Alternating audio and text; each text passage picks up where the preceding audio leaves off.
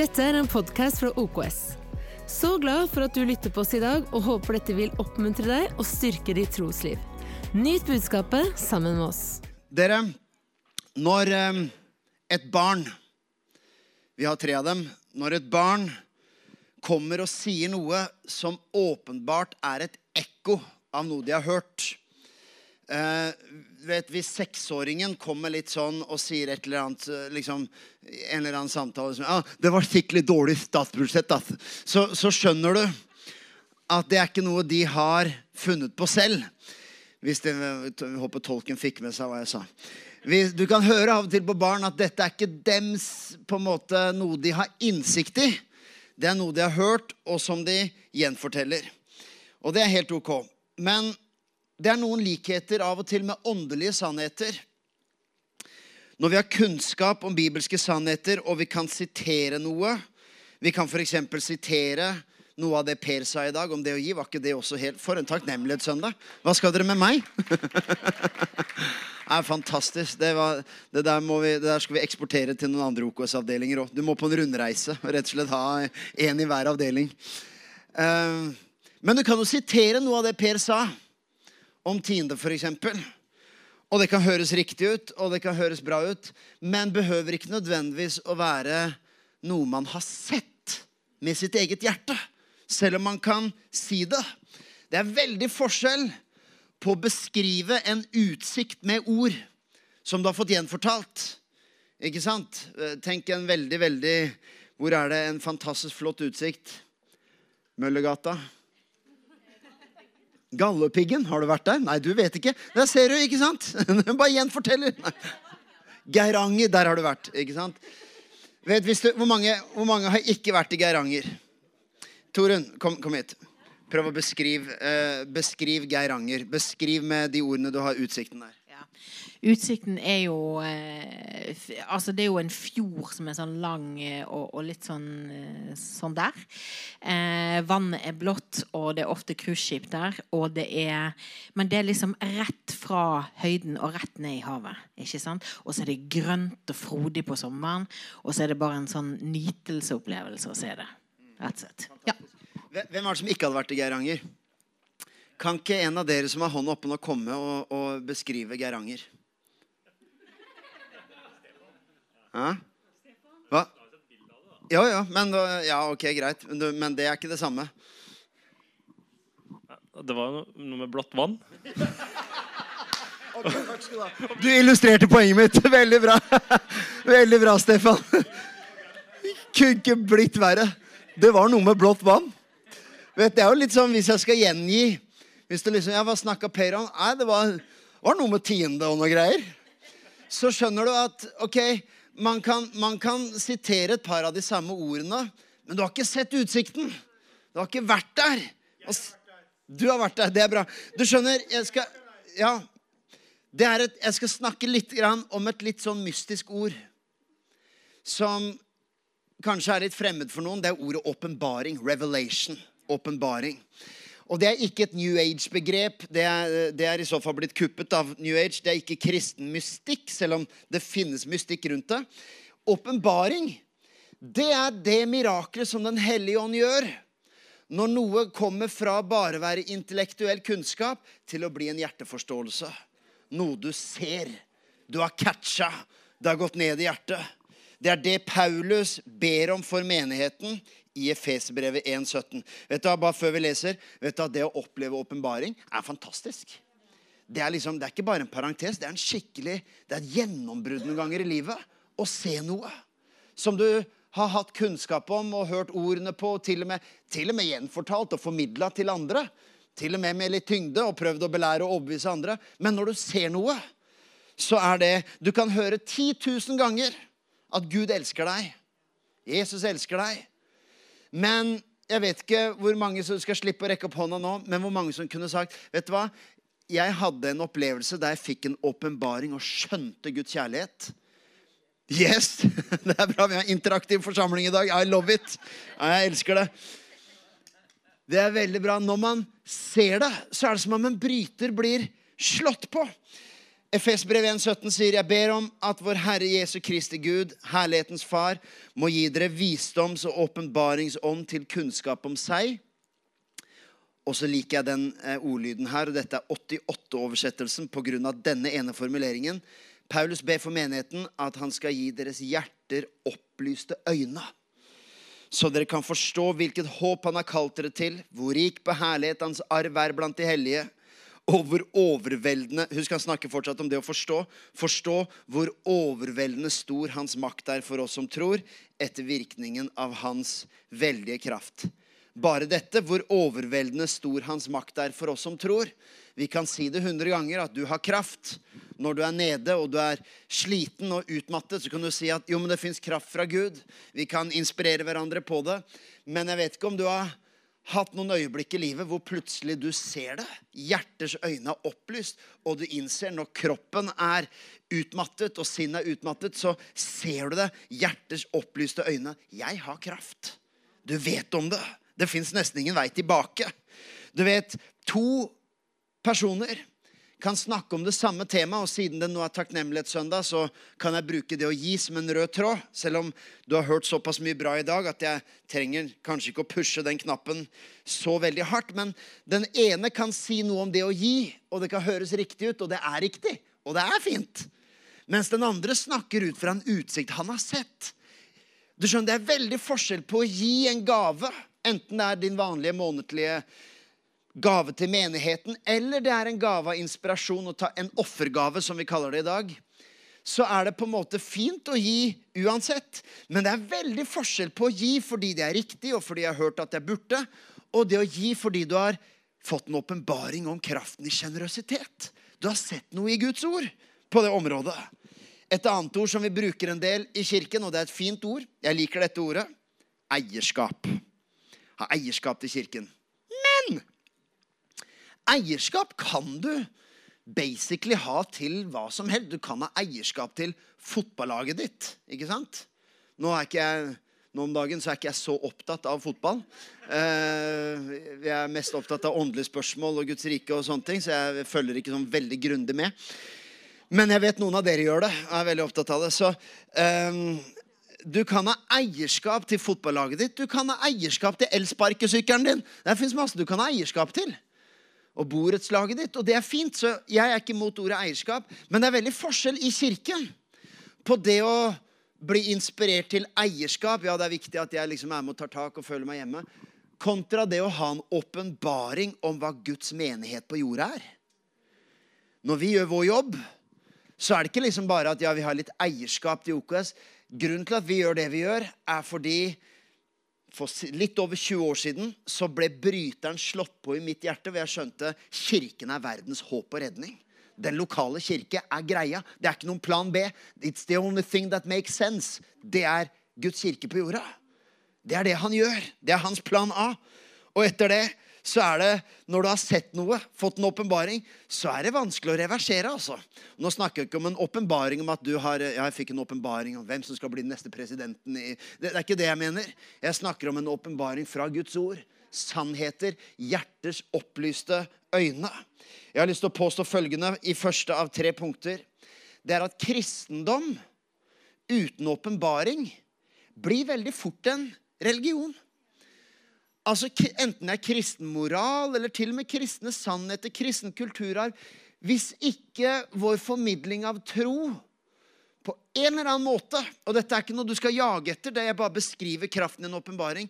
Hvis vår formidling av kristen tro ikke er basert på utsikten av Guds nåde vi har sett sjøl, så vil det alltid bli en moralisme og en ovenifra og-ned-greie og en belærende ting. Jeg ser for meg kristendom uten åpenbaring er litt som en redningsbåt. Der man står trygt oppi båten, men man ser de andre som er i ferd med å drukne, og egentlig bare kritiserer måten de svømmer på, måten de er på. Hvorfor, at de er så dumme som ikke kommer opp i båten. Sånn vil alltid kristendom bli uten en åpenbaring av nåden. Hva er det jeg mener? Jo, det er veldig forskjell hvis du står i en redningsbåt og ser druknende mennesker rundt deg. Så veit du sjøl jeg har fortsatt våte klær. For jeg har vært der sjøl. Jeg vet hva det vil si. Det var ikke av min egen kraft. Det var ikke fordi jeg var så disiplinert. Jeg ble løftet opp, hentet opp, og nå brenner jeg for at de andre som ikke har det håpet, og som ikke har denne faste grunnen som jeg har, skal få oppleve det. Og med en gang blir retorikken annerledes. Du kan fortsatt ha synspunkter om havet, om verden, hvis du er med på symbolikken her. Du kan fortsatt ha standpunkter og, og ha, ha, perspektiver på det som skjer, men det blir noe grunnleggende annet med hele undertonen.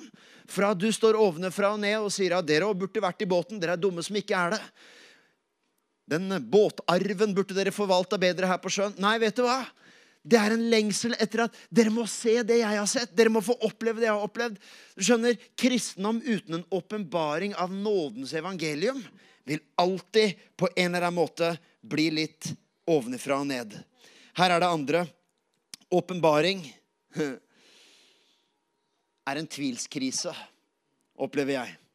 Hva er en tvilskrise? Jo, en troskrise er helt OK å ha. Det finnes gode svar for mennesker i en troskrise.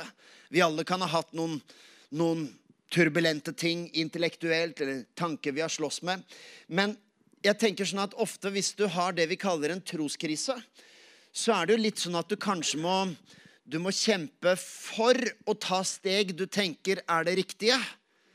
Mens på innsiden så er du litt usikker på om du egentlig har sett det. Så derfor, så, for å si det på den måten, du må på en måte innimellom trosse tvilen litt og bare gjøre det. Ikke sant? Og det er fint. Å trosse tvilen hele tiden er ikke fint. Man trenger noen å prate med. Og, og det er måten man får åpenbaring, er å snakke om det. Og, og, spille ball med andre troende. Sammen med alle de hellige skal vi fatte lengden, bredden, høyden og dybden. Men når du har en troskrise, så er det egentlig troen som har en krise. Og så må du trosse det og likevel kanskje handle på det. Det kan være fint å gjøre noen ganger. Man kaller det å handle i tro. Det kan være at å gi i dag Kanskje du ikke har sett det, kanskje ikke helt har liksom, ja, hva er greia? Men du kan likevel gjøre det som en handling i tro. Men på en måte så trosser du tvilen, og så gjør du det likevel. Her er hvordan jeg opplever det når du har fått en åpenbaring om noe. Du har ikke en troskrise, du har en tvilskrise. Du må trosse troen din for å la være å gjøre det. I stedet for å trosse tvilen for å prøve, så må du trosse troen for å la være. Ja, Hvordan er det i praksis? Og jeg sier, Det jeg skal si nå, er ikke et insentiv for å få deg til å, til å gjøre akkurat det samme. Det er bare et bitte lite utsnitt av mitt vitnesbyrd. For noen år tilbake så, opp, så, så, så jeg innsikten i Én ting er liksom det å gi fast. Det jeg har gjort siden jeg var fem år gammel. Ga jeg tiende av ukelønna mi, som jeg fikk. 50 kroner i ukelønn. 5 kroner i kollekten. Men eh, det er det som jeg har oppdaget. Kraften i sacrificial giving. I en offergave. Der hvor du Og jeg, egentlig så liker ikke jeg det uttrykket på norsk 'gi så det svir'. Og hvordan skal du si det på engelsk? 'Give so it burns'. Nei, egentlig liker jeg ikke det uttrykket, for det kan bli, det kan også bli kan bli lovisk. Kan bli en ting som blir tredd ned over deg. Men jeg så plutselig den opplevelsen av å gi så du nesten skjelver. Og så kraften fordi du, du du gjør det som en troshandling, du gjør det som en takknemlighetshandling, du gjør det som en offerhandling, som et statement og som en erting av djevelen og makter og myndigheter. Og så ser du på den og så sier du, se hva som har prioritet i mitt liv. Se hva som er sentrum hos meg. Jeg er uangripelig fordi i mitt liv er Guds rike sentrum. Bla, bla, bla. Dette, dette er hva jeg opplevde sjøl. Nå er det jo sånn at det er ikke sånn at jeg må trosse tvilen min for å gi en offergave. Jeg, jeg merker at jeg argumenterer heller med meg sjøl. Hvilke argumenter kan jeg finne for å la være? Fordi jeg må trosse troen min, for jeg har sett det. Jeg vet kraften i det. Jeg kjenner gleden av det. Jeg skjelver ikke når jeg kjøper en ny flatskjerm, men jeg har skjelvet noen ganger på takknemlighetssøndag. Jeg skjelver, og hva betyr det? Jo, for det er knytta til en forventning, en spenning og en glede som, som gjør at jeg må trosse det jeg har sett, for å la være. Og som sagt, Føl deg helt fri. Saken er at hvis du tar det jeg nå sier, og tenker ja, nå skal han bare ha en kjempekollekt Nei, da må du la være. Ta det helt med ro. For det står i Bibelen at vi gir ikke av ulyst eller av tvang, for Gud elsker en glad giver. Og hvis det er kun en sorg knytta med det, og det kun er en smerte og en byrde, ja, da er det ikke noen åpenbaring som driver det fram. så la det ligge. Du kan være med å gi sånn rent altså, eh, Du kommer til oppvarma lokale og til lys, og du leverer barna på Kids, og du kommer til et forberedt gudstjeneste, og du kommer til et vaska gulv, og, til, og det, er ikke, det er ikke gratis. Det er, eh, det er alltid gratis på gudstjeneste, men det er ikke gratis. Det betyr bare at noen andre har betalt.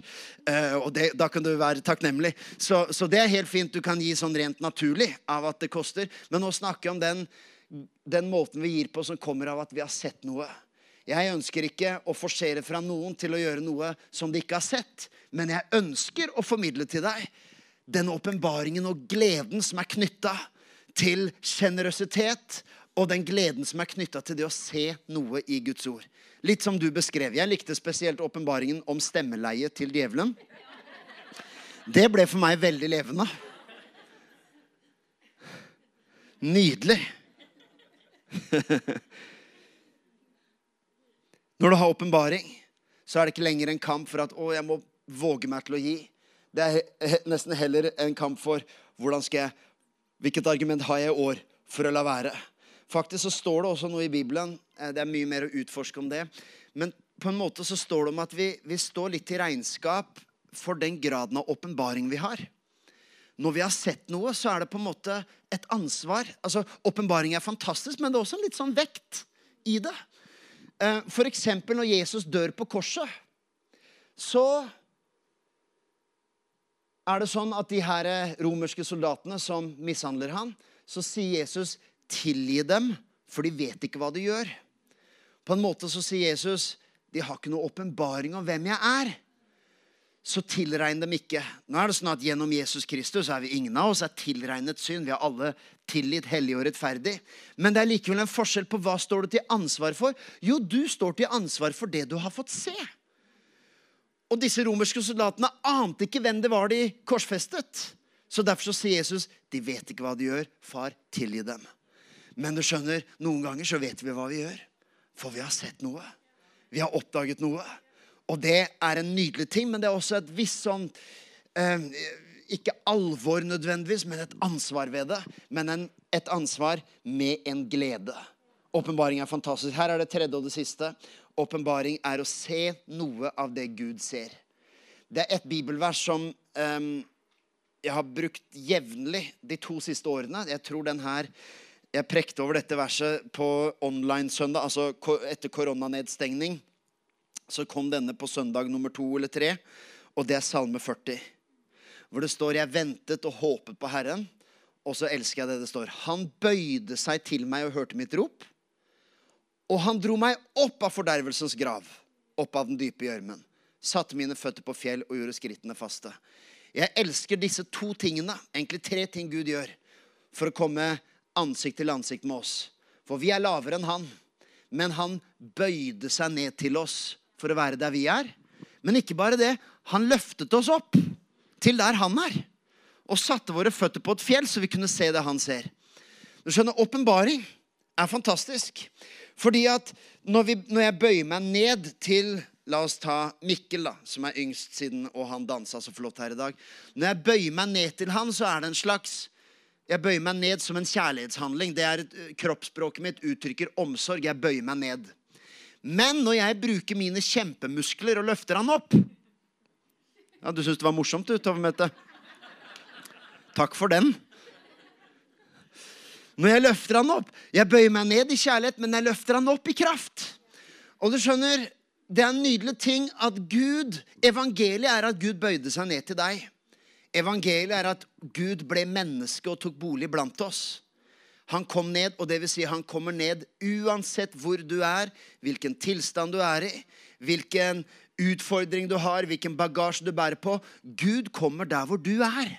Han er ikke langt borte fra den eneste en av oss. Og det må du forstå at det er helt unikt med evangeliet. Ingen annen religion eller annet trossystem som altså, Der handler det om at du må først rense deg, og så gjøre sånn, og så gjøre sånn, og så gjøre sånn, og så kan du komme nær. Evangeliet er at du var der du befant deg i din gjørme, og Gud kom ned i gjørma. Det er derfor han ble født i en stall. For det uttrykker at evangeliet var ikke vi som skulle nå opp, det var Gud som nådde ned. Og det er fantastisk. Og det er Guds kjærlighet, og det er Guds omsorg. Derfor så har vi det, det her, den som du ofte har sett, kors er lik hjerte, som ofte har vært både på, på eh, T-baneholdeplasser til og med i Oslo i forbindelse med påsken, som betyr at korset er Guds kjærlighet. Jeg spurte Fred Manskov Nymoen om han kunne lage et alternativ for meg. For det er nydelig at korset er at Gud bøyde seg ned. Det er hans hjerte. Men vet du hva korset er en ting til? Det er kraft. Det er muskel. Det er Gud som løftet oss opp. Og det sånn. Takk skal du ha, min, min, venn. Det går ikke til meg. Det skal jeg legge i kollekten her etterpå. Du skjønner, det som er fantastisk, er at vi tenker det fineste Gud kan gjøre for oss, det er at han kommer ned i min Altså, det at Gud forstår meg, at Gud ser meg, at Gud hører meg, at han bryr seg om det jeg bryr meg om, at han er opptatt av det jeg var opptatt av. Og det gjør han. Amen? Det er at han bøyer seg ned. Men det som også er veldig bra Jeg trodde mange ganger at det er det fineste Gud gjør. Han kommer ned og ser meg, er der hvor jeg er, og bryr seg om det jeg bryr meg om. Men så oppdaget jeg noe enda råere er at han løfter meg opp så jeg bryr meg om det han bryr seg om. Og jeg begynner å se det han ser. Og ikke bare at Gud kom ned og brydde seg om min agenda, mitt liv og mitt rike, men han løftet meg opp så jeg fikk se noe av hans agenda og hans rike. Det er en åpenbaring. Og du blir aldri mer den samme. Se for deg en vegg, et gjerde, foran en stor, flott utsikt, kanskje Geiranger. Så står Mikkel og er akkurat for lav for det gjerdet. Så han ser ikke utsikten. Men jeg ser, for jeg er over. Så jeg ser. Å, det er fantastisk, Mikkel. Å, det her er helt rått, det som jeg ser. Men han er her nede og ser ikke utsikten. Det hjelper ikke engang at jeg bøyer meg ned hvis han gråter fordi han ikke ser utsikten. Så hjelper det ikke engang at jeg bøyer meg ned og trøster. Eller jo, det hjelper, men det er bare trøst. Det som forandrer ham, er at jeg løfter han opp og viser han. Og noen ganger i livet dette er ingen fordømmelse for deg som lider og har det vanskelig. Jeg bare snakker igjen ut fra egen opplevelse. Noen ganger i livet så er det eneste mirakelet jeg ser, er at Gud kommer ned til meg. Og man kan tenke sånn at Hver gang vi gråter, hver gang vi lider, hver gang vi har smerte, hver gang vi har bekymring, så er det på en måte Grunnen til det er at vi ser ikke utsikten Gud ser. Vi ser det vi ser, vi ser rett inn i et gjerde, og det er reelt, og det er vondt, og det er tøft, og det er vanskelig. Og så tenker vi om bare Guds nærvær kan komme hit. Og det gjør han. Men når han løfter meg opp, og jeg får se det han ser Hvis jeg løfter Mikkel opp, så får han se utsikten jeg ser. Det er åpenbaring. Og enda sterkere enn Guds nærvær og kjærlighet. Og det er ikke for å devaluere det i det hele tatt, men enda sterkere enn hans kjærlighet er å få hjerters opplyste øyne. For da er det sånn at da trenger du ikke engang Gud må komme ned igjen her neste uke. Du begynner å se det han ser og så er det ingen vei tilbake. Du har sett noe. Det transformerer deg.